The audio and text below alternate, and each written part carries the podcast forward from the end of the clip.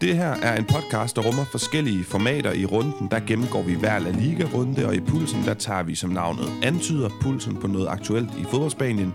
Og i formatet Profilen, der zoomer vi ind på en dansk hovedperson i spansk fodbold. I dag der skal vi have fat i netop en af de sidstnævnte.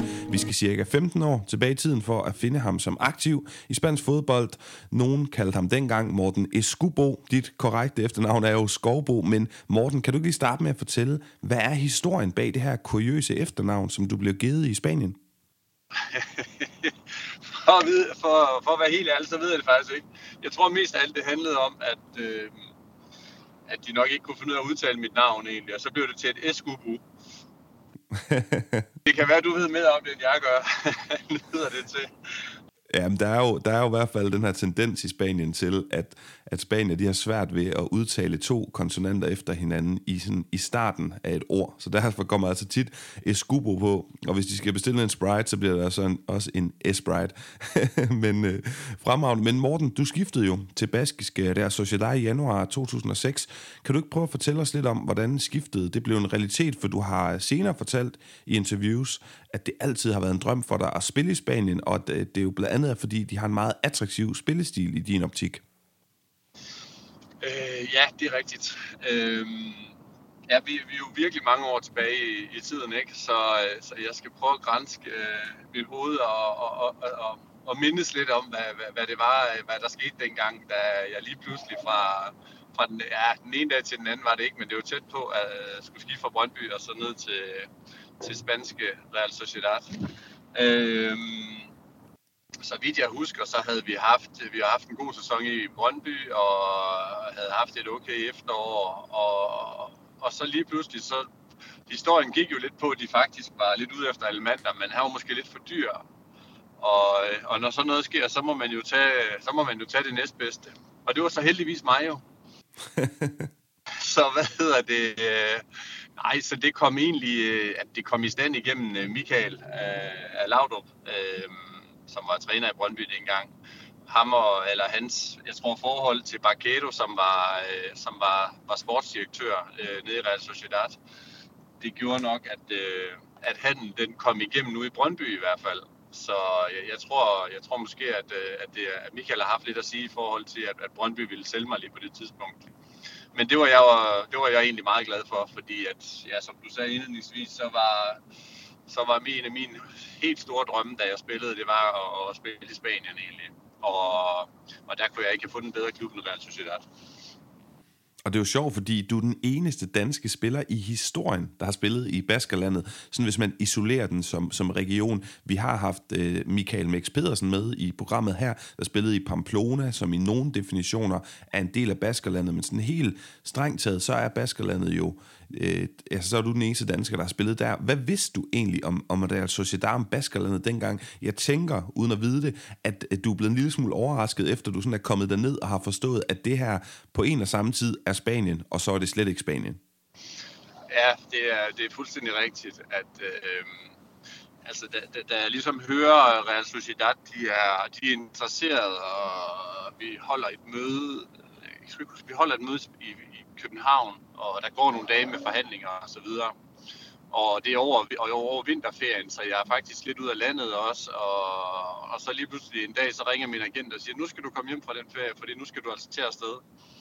Og der havde jeg selvfølgelig lige øh, googlet mig lidt frem til, øh, at, øh, hvad San Sebastian det egentlig var for en størrelse. Men altså, jeg vidste meget, meget, meget lidt, da jeg egentlig, øh, da jeg lander i lufthavnen i San Sebastian, der vidste jeg ikke, øh, hvad det var, der egentlig skulle, skulle møde mig og skulle, øh, og skulle være en del af min dagligdag de der to og et halvt år, jeg var dernede. Øh, men lige siden jeg kom derned, eller lige siden jeg kom derned, øh, har jeg udelukkende været positivt overrasket over, over livet dernede og menneskerne og jamen, øh, alt i og omkring øh, både fodbold øh, og, og, og selve kulturen i Spanien. Ja, det kan vi komme lidt tilbage til, Morten, for det er et meget specielt sted. Men jeg kunne godt tænke mig at starte med, du er der nede i to og et halvt år. Det er primært det første halvår, som nok er interessant for, for dig at snakke om, og for os at høre om, fordi at det er jo ikke nogen hemmelighed, at der spiller du rigtig godt, og de seneste to eller to år efter, der er du meget ude på grund af skader, og det kan vi sådan vende tilbage til. Men hvis vi fokuserer på din start, du får 45 minutter i første kamp, og så er du otte gange i de efterfølgende otte kampe i startopstilling i træk. Og jeg ved godt, det ligger langt tilbage. Jeg forventer ikke, du husker tingene i detaljer, men det er bare lige for at rise op for lytterne, hvor godt du kommer fra start. Du har mål og oplæg mod Atleti Klub i det her store Basker derby, og efterfølgende skulle du også mål mod Mallorca, Valencia, Malaga og, og Celta Vigo. Og så har du før udtalt, at det her Basker derby, som er anden kamp, du kommer ned til i det her spanske eventyr. Det er en af de bedste kampe, nogensinde har spillet. Det er en af de største kampe, og det er et specielt derby, som emmer af nationalisme. Har du nogle minder tilbage, selvom det er lang tid siden, nogle minder tilbage fra det opgør? Ja, absolut. Altså, det er, øh, altså, altså, det er en tid, øh, jeg, jeg, jeg, jeg er en type, som, øh, som altid har elsket at spille fodbold. Jeg har aldrig sådan gået virkelig meget op i alt det andet omkring og set alle mulige kampe. Og jeg kan faktisk, øh, meget af min karriere er jo ikke sådan en, der, der går i detaljer med, hvor mange mål jeg har scoret i hvilken sæson og sådan noget. Men lige præcis, øh, som du siger, starten i Spanien og, ja, og min tid dernede generelt er faktisk noget af det, der står klarest for mig. Så jeg, jeg, jeg, husker, jeg husker udmærket, altså da jeg, da jeg indkommer, øh, jeg ved ikke, i løbet af ugen dernede til rimelig lidt større presseopbud end en, vi trods alt var vant til ude i Brøndby. øh, og, så, og så til at komme ind i pausen mod Espanyol, og, og ja, derefter øh, så starte ind i, i den næste kamp. Det var, det var meget overvældende fra en, fra en gut, der lige havde været 3-4 uger på ferie. Så, øh, så, så jeg stod nok øh, lidt mere koncentreret end, end nogensinde, da, da, da, vi ligesom, da vi startede op på kampen mod, mod, mod Bilbao. Fordi jeg kunne fornemme hele ugen op til, at det her, det er ikke bare en fodboldkamp. Altså det er, det er, det er, en af, det er måske den vigtigste kamp i, i hele året for den klub her. Øhm, og, og det var folkene omkring det, er, det var spillerne, som de var jo venner med, med Bilbao-spillerne også, men der, der ligger bare sådan en rivalisering imellem de to klubber, som, uh, som man ikke skulle tage fejl af. Så, så at komme ind, jeg ved ikke, komme ind og, og spille sådan en kamp, som jeg nu gjorde, øh, det, var sgu, det var ret vildt, og det gjorde så også, at, at jeg blev en ret populær person i byen øh, ret hurtigt at nu bliver jeg alligevel en lille smule håbefuld, når du siger det. Tingene alligevel står lidt klart, så vi er nødt til at spørge dig ind opfølgende, fordi det er det mest, måske mest unikke opgør i spansk fodbold sammen med El Clasico, det er, at der er noget politik og noget historie, som er meget, meget specielt, og som man ikke sådan lige kan se i andre ligaer i, i, Europa, noget, der, der nødvendigvis minder om. Så jeg kan godt tænke mig at spørge dig, altså, husker du for eksempel de her Icorinha-flag, de her baskiske flag, som jo ligner de danske, øh, øh, er der andre ting, sådan, hvor du sad og tænkte, okay, det her, det, det virker som noget andet, end at spille hjemme i Superligaen? Ja, absolut. Altså, altså jeg fandt jo ud af efterfølgende også, at altså, når man går, det ved dem, der har været nede og se spansk fodbold, at, at det er jo ikke fordi, at der er, øh, at der står, øh, ligesom der er spillet i Tyskland, der stod der en hel mur af, af fans øh, bag mål eller et eller andet, og råbte og skreg og sang hele, hele kampen. Altså det gør man ikke på samme måde i Spanien. Øh, men lige præcis til det opgør der, altså der var der, der, var der ekstra mange af, af den slags flag, som du talte om, og som var en del af stadion til hver kamp selvfølgelig. Men, men der var ekstra mange, og der var ekstra meget lyd på, og der var ekstra mange øh, altså, fans fra udholdet af, og, og man kunne se folk, de sidder sådan i blandt hinanden, ikke? Og, og det er jo folk, der, der deler religion sammen på en eller anden måde, eller øh, nationalfølelse, som de gør op i Baskerlandet men lige præcis i det opgør der, der, der står de også, altså der står de så meget tilbage i deres egen by, øh, at, at, at, det, at det gør det til noget er helt, helt unikt, altså.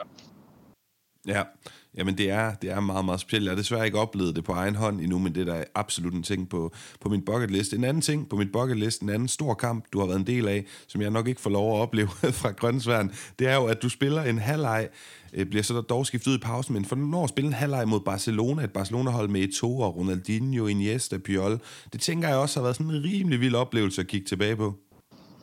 Ja, absolut. Altså, det var jo også en af drømmene ved at spille i Spanien. Det var, at der var jo, altså, der, der spillede nogle, øh, nogle, de var måske lige en anelse større, end jeg var i Spanien på det tidspunkt. Øhm, hvad hedder det? Både Barcelona og Real Madrid havde jo nogle vanvittige verdensstjerner, ikke? Øhm, jeg kan godt huske, at jeg bliver skiftet ud i... Vi har lige skiftet træner faktisk, tror jeg, op til opgøret, eller, eller lidt før. Øhm, og ham, den nye træner, der kom ind, han var absolut ikke på nogen måde min kop te. Så da han skifter mig ud i pausen, der, der kan jeg huske, at jeg gik lidt, lidt meget amok i, i omklædningsrummet, og, og hvad hedder det, og sportsdirektøren, han var heller ikke tilfreds, kan jeg huske. Så der var så lige, der var lidt knurre på den indre linje øh, i den kamp der.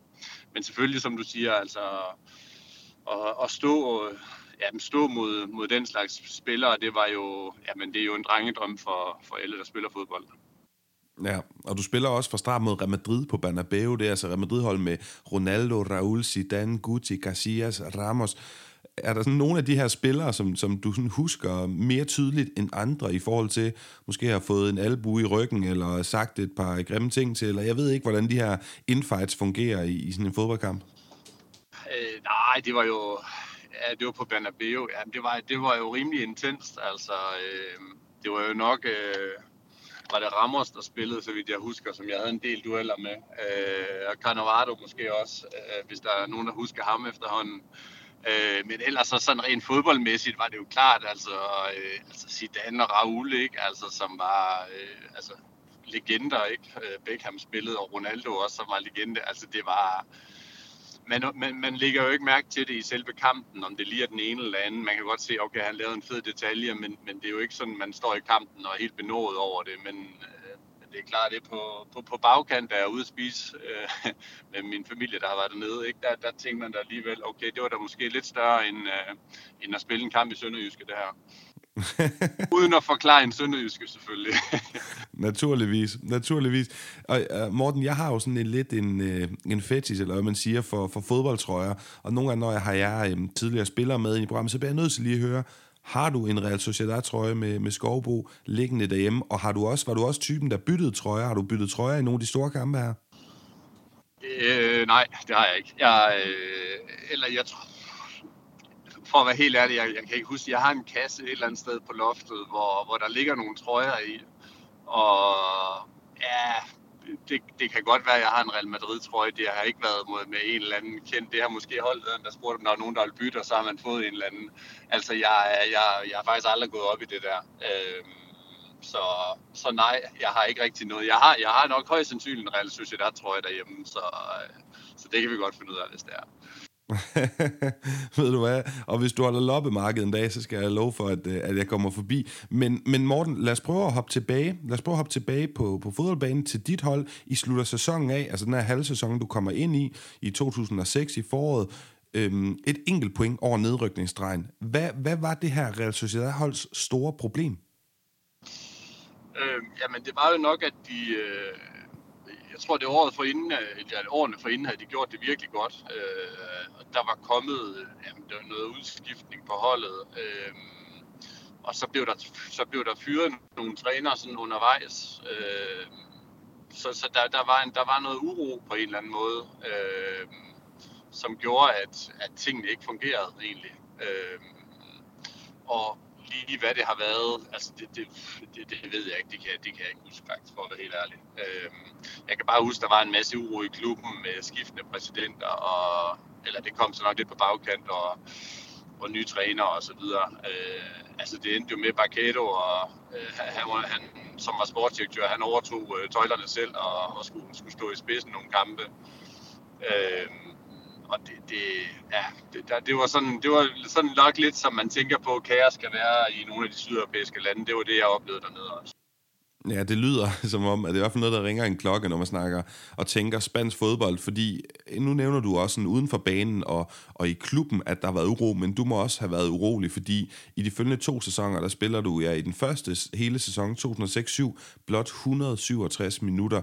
I ender også med at rykke ned øh, og ud af La Liga, og det tænker jeg har en forklaring, nemlig din skade. Kan du prøve at forklare lidt om den skade? Hvornår opstår den, og hvad er det for en skade?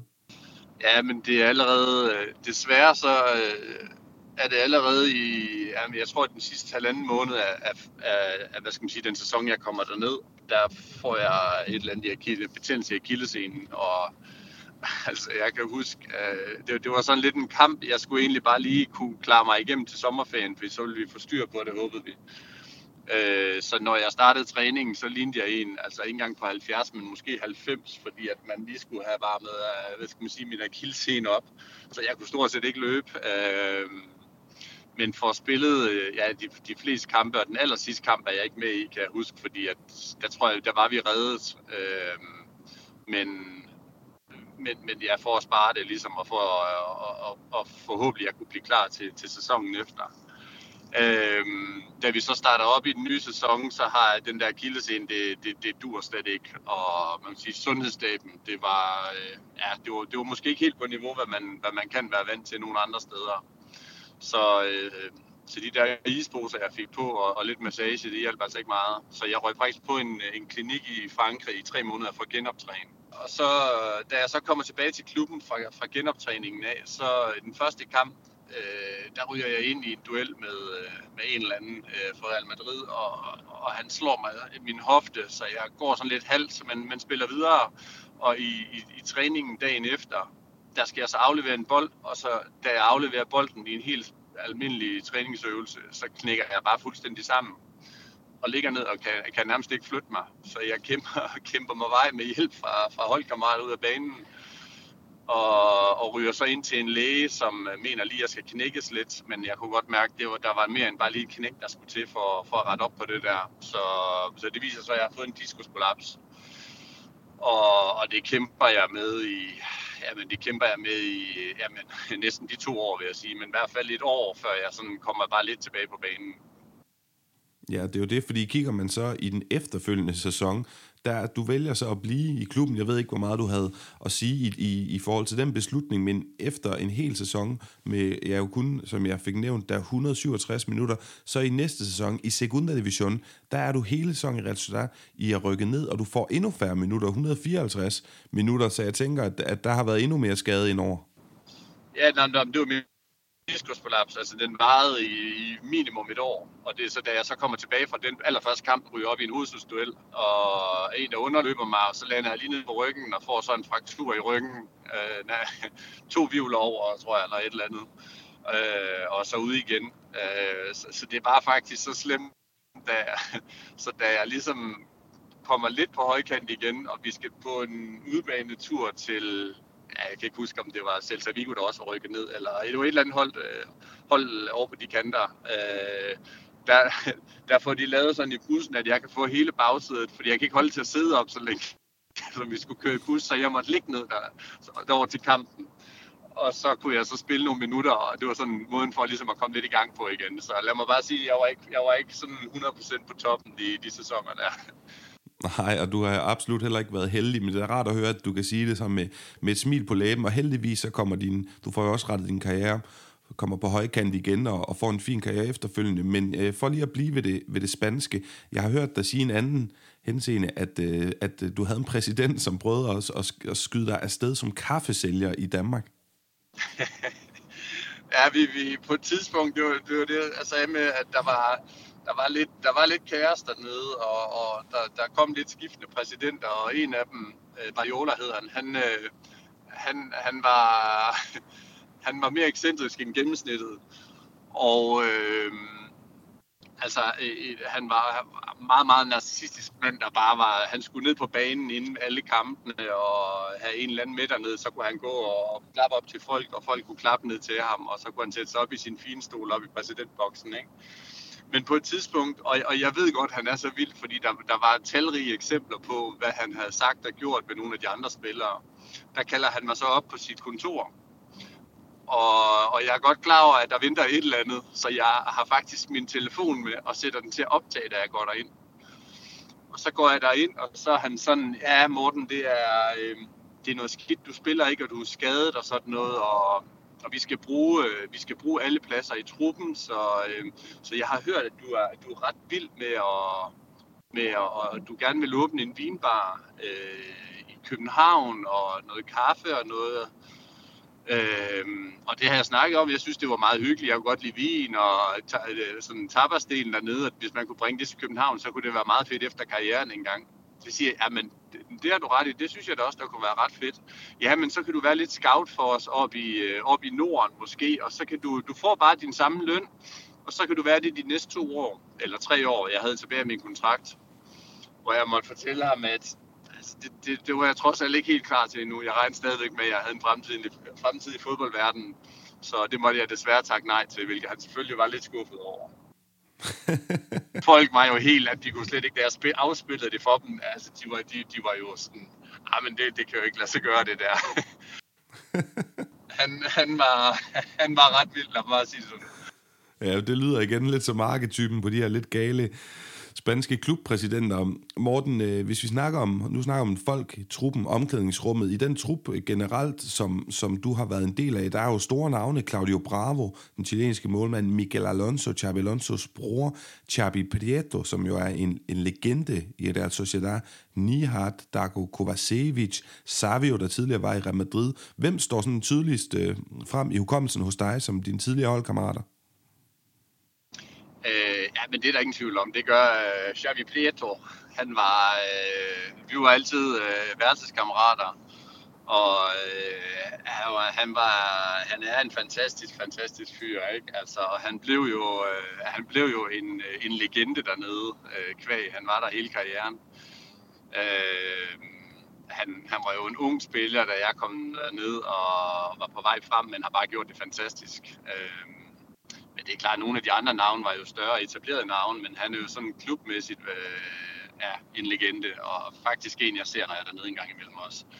Så, øh, så jo, men altså, der var, der var en del store navne, der, der var der, ikke? Øh, ham Savio, han var jo, man kunne godt fornemme, han, han i hvert fald havde været en verdensstjerne, ikke? Så, øh, øh, så det var, det var meget sjovt at være en del af. Altså, jeg tog det nok meget opfrandet, ned, tror jeg. Mm. Og så var du også holdkammerater med Gaisca Garitano, som jo senere er blevet La Liga-træner i, i A-Bar, Athletic Club. Nogle af dine andre, altså det var en holdkammerat, men nogle af de trænere, du havde, José Maria Vaquero, du har lige nævnt ham, han har også vundet alt som fodboldspiller med, med deres Sociedad Barcelona. Du havde valisiske Chris Coleman. Er der nogle af de her navne, som du øh, husker tydeligt? Altså Barketo, han var jo også, øh, når man taler sådan personlige og menneskelige kvalifikationer og, og så videre, så var han, øh, han var fantastisk. Altså han var, øh, han var virkelig bare en, en god mand. Ej, og Barketo, så havde vi, da vi, da vi rykker ned i den anden bedste, der får vi Juan Malio, som også bare var den mest fantastiske person. han var totalt vokset op i, i Barcelonas spillestilen og ville gerne have os til at spille sådan egentlig. men han, han ville så gerne have, han, han, han var så træt af at, at jeg rejste en gang og virkelig forsøgte, at, at jeg skulle blive der, fordi at han kunne godt se et, et lys i, at jeg skulle spille for dem og, og hjælpe til med at rykke op igen egentlig. Øh, og han er fantastisk fyr, ikke? Altså, man kan så, nu, nu er han så også blevet træner, så jeg faktisk helt tilfældigt på tv her for ikke så længe siden, i en øh, måske lidt større klub end Real Sociedad også. Øh, Ja, han er jo assistenttræner i, i øh, Manchester City for øh, Pep Guardiola. Jeg snakkede også med Michael Jakobsen, der havde ham i Almeria, og siger jo også bare, at han er meget, meget puritansk omkring hans idéer. Det er med bolden på fødderne, og man skal bare holde fast i den, og så spille flot fodbold. Ja, ja det var dejligt. Det var lige, det var lige i min og i den spanske ånd, ikke? Altså, så øh, ja, han, var, han, var, han var virkelig en god fyr. Og Morten, så ved jeg ikke, nogle gange så, så, så ser jeg, når jeg lige researcher de her samtaler, så, og jeg ved godt, at jeg prøver at fiske lidt her, men det kan jo være, at der er lidt held i sprøjten, fordi der var jo en spiller i ungdomsrækkerne i Real Sociedad i de år, som du øh, Øh, hvor du spiller dernede, en, øh, en spiller, som var på de forskellige ungdomshold, og som senere er gået hen og blevet en rigtig stor spiller i deres Sociedad, senere for FC Barcelona og Atletico Madrid. Jeg tænker, du godt ved, hvem jeg snakker om. Antoine Griezmann. Kan du huske, øh, at han var i kulissen og på ungdomsholdene, da du var dernede? Øh, nej, overhovedet ikke. Nej, men det er jo færdigt. Det, det sker jo en gang imellem. Jeg snakker også med, med Patrick Liga, der godt kunne huske en ung Juanmi, da han var i Malaga for eksempel. Det, det er jo nogle gange, man hører om de her seniorspillere, som sådan har lagt mærke til de, øh, de ungdomsspillere, der har imponeret. Men lad os prøve at snakke, apropos Antoine Griezmann og ungdomsrækkerne, om det her ungdomsakademi Subieta, fordi jeg kan godt tænke sådan, kan du overhovedet kende dit gamle der Sociedad-hold. Dengang var det jo et, et hold, baskisk hold, som er kendt for at spille fysisk fodbold, inspireret meget af den her engelske, arketypiske fodbold, direkte, hårde dueller, det regner, det blæser i Baskerlandet, og nu dit elskede Real Sociedad i dag, et hold, som ligner FC Barcelona som en klon. Det er genpres, fremragende pasningsspil, overlegen i boldbesiddelse, de er risikovillige i deres angrebsopbygning. De har en enorm mængde akademispillere på, på førsteholdet. De har også fået moderniseret det stadion, du løb rundt på. Der er ikke nogen øh, løbebane længere. Kan du overhovedet kende det hold her? Øh, nej, ikke rigtigt. Altså, øh, nej, det er rigtigt. Der, jeg, synes, jeg synes, de har fået flere, øh, uden at jeg på nogen måde er ekspert omkring spansk fodbold, for jeg ser meget lidt, men, men de, de, der er kommet flere spillere udefra også egentlig, som måske har været, været med til at højne niveauet også lidt, og det er også det, Prieto han siger, når jeg har været dernede. Jeg, det er en helt anden klub, der er nu, end det var dengang. Altså dengang, der, der var det de gamle dyder, øh, som, som du snakkede om, med, og, og det var det folk og publikum godt kunne lide egentlig ved, ved, ved, ved holdet. Øh, nu er, nu er det, det har udviklet sig på en helt, helt anden måde, ikke? og det er, det er også spillere, de, de kan få udefra til på en helt anden hylde, øh, end det måske var dengang, tænker jeg. Ja, det er jo enormt interessant at, at jagtage, ikke? Altså, de har jo stadigvæk, som, som jeg siger, enorm vægt på Subieta, altså ungdomsakademiet, som de arbejder i. Og det er jo også der, I var ude at træne i de her sådan lidt øh, mytiske, baskiske bjerge i oplandet bag San Sebastian. Ja, lige præcis. Altså, vi, øh, ja, altså, altså de der ungdomsspillere, de, de træner jo altid på kunsten ved siden af, ved siden af os, øh, går nok på nogle andre tidspunkter, og vi var rundt i oplandet også, og, og, og altså Subieta har jo altid været sådan deres stolthed også et eller andet sted, at de har kunne opfostre øh, så mange talenter fra egne rækker, øh, ofte baskiske spillere, ikke? Øh, så og det er jo fedt at se, at de, ligesom, at de bliver ved med at bevare den del af det også, selvom det er blevet en, en klub sådan rent økonomisk på et helt andet niveau. Ja, så er det jo netop sjovt, det her med, at spillestilen bare er så anderledes, for da du var dernede, men øh, en vild, vild udvikling, og også udvikling der på stadion, som jeg nævnte. Noget du egentlig at blive træt af den løbebane?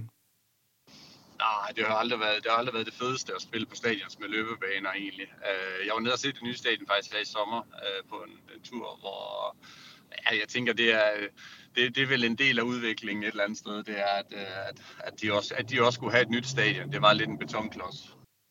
Ja, ja det, det er rigtigt nok. Og et, øh, en indikation på en klub, som er i en rivende udvikling, og som gør det godt, og som jo de seneste mange år, inklusiv skrivende stund, jo bare gør det rigtig godt i efteråret i La Liga, og nærmest ligner et hold, som hvis ikke kommer i Champions League, lige før de kan komme med af mesterskabet, og så, så dykker de så ned. Men de er i hvert fald blevet mere solide øh, præsterende, mere kontinuerligt præsterende, end, end da du var der, Morten. Jeg kunne godt tænke mig sådan afslutningsvis lige at høre, fordi øh, nu snakker vi om stadion, der jo ligger sådan rigtig flot for enden af en, en stor form for allé eller boulevard i San Sebastian, ned mod La Concha, ned mod strandene, som er så flotte. Min bedste forældre, spanske, ej det er Olle forældre hedder det, boede en del af deres liv i, i Baskerlandet. Jeg har været meget i San Sebastian. Det er en fantastisk by, og det kan jeg også godt fornemme på dig, at, øh, at du synes. Ja, det er det. Det er, det er, en, det er en meget, meget, meget, meget, meget fantastisk by. Og jeg siger jo til, øh, altså dengang var der, den, dengang var det jo sådan uh, lidt mere uh, en by, som, som det kun var spanier og franskmænd, der, der kendte noget til. Men kvæg alle øh, sociale medier og så videre efterhånden, så, så kunne jeg også se, da jeg, da jeg var dernede nu her, at, at der kommer mange, mange, mange flere turister, og øh, der render rundt med selfie-stænger og så videre, ikke, øh, dernede. Så det, lad mig sige det sådan, det er en region, der er blevet opdaget i hvert fald for den meget, meget store skønhed. Øh, både, både med hensyn til, til de grønne, fordi det er så grønt og frodigt, altså bjergene, og så, og så det bare den smukke strand, og ikke mindst alle de fantastiske spisesteder, de nu engang har. ja, og, og helt apropos, fordi noget af det eneste, jeg synes, de mangler i San Sebastian, det er jo Andalusiens klima og temperatur. Ikke? Det regner og, og blæser lige lovligt meget. På den måde kan man ikke sådan sige, at det er klassisk øh, spansk, men det er jo også et meget specielt, som du siger, frodigt område, som ikke ligner sådan det, vi måske altid forbinder med Spanien. Men øh, her afslutningsvis, Morten, hvad er egentlig sådan din go-to øh, pincho, eller hvad er der sådan noget bestemt, en guilty pleasure nede i San Sebastian og i Baskerlandet, noget du altid skal have, når du kommer derned, eller noget du savner specielt meget, når du ikke er der? Øh, puha, det er en lang liste, jeg kan, jeg kan nævne der, vil jeg sige. Ej, der er, øh, Jamen, det ved jeg ikke. Jeg, er jo, jeg kan jo godt lide øh, restauranter og så videre. Der har jeg mine go-to-steder jo selvfølgelig. Øh, ja, det, det er mest restauranterne, og så er det egentlig bare øh, for mig, øh, hvad skal man sige, stemningen ved at være der. Øh, gå en lille tur langs promenaden, langs øh, La Concha-stranden. Øh, det er egentlig for mig øh, sådan øh, selve San Sebastian. Øh, og, og det er det, jeg, det er det, jeg gør, gør når jeg er dernede. Det er egentlig bare at, at slappe af og nyde, nyde atmosfæren og nyde kulturen og ja, få talt lidt med nogle af de gamle.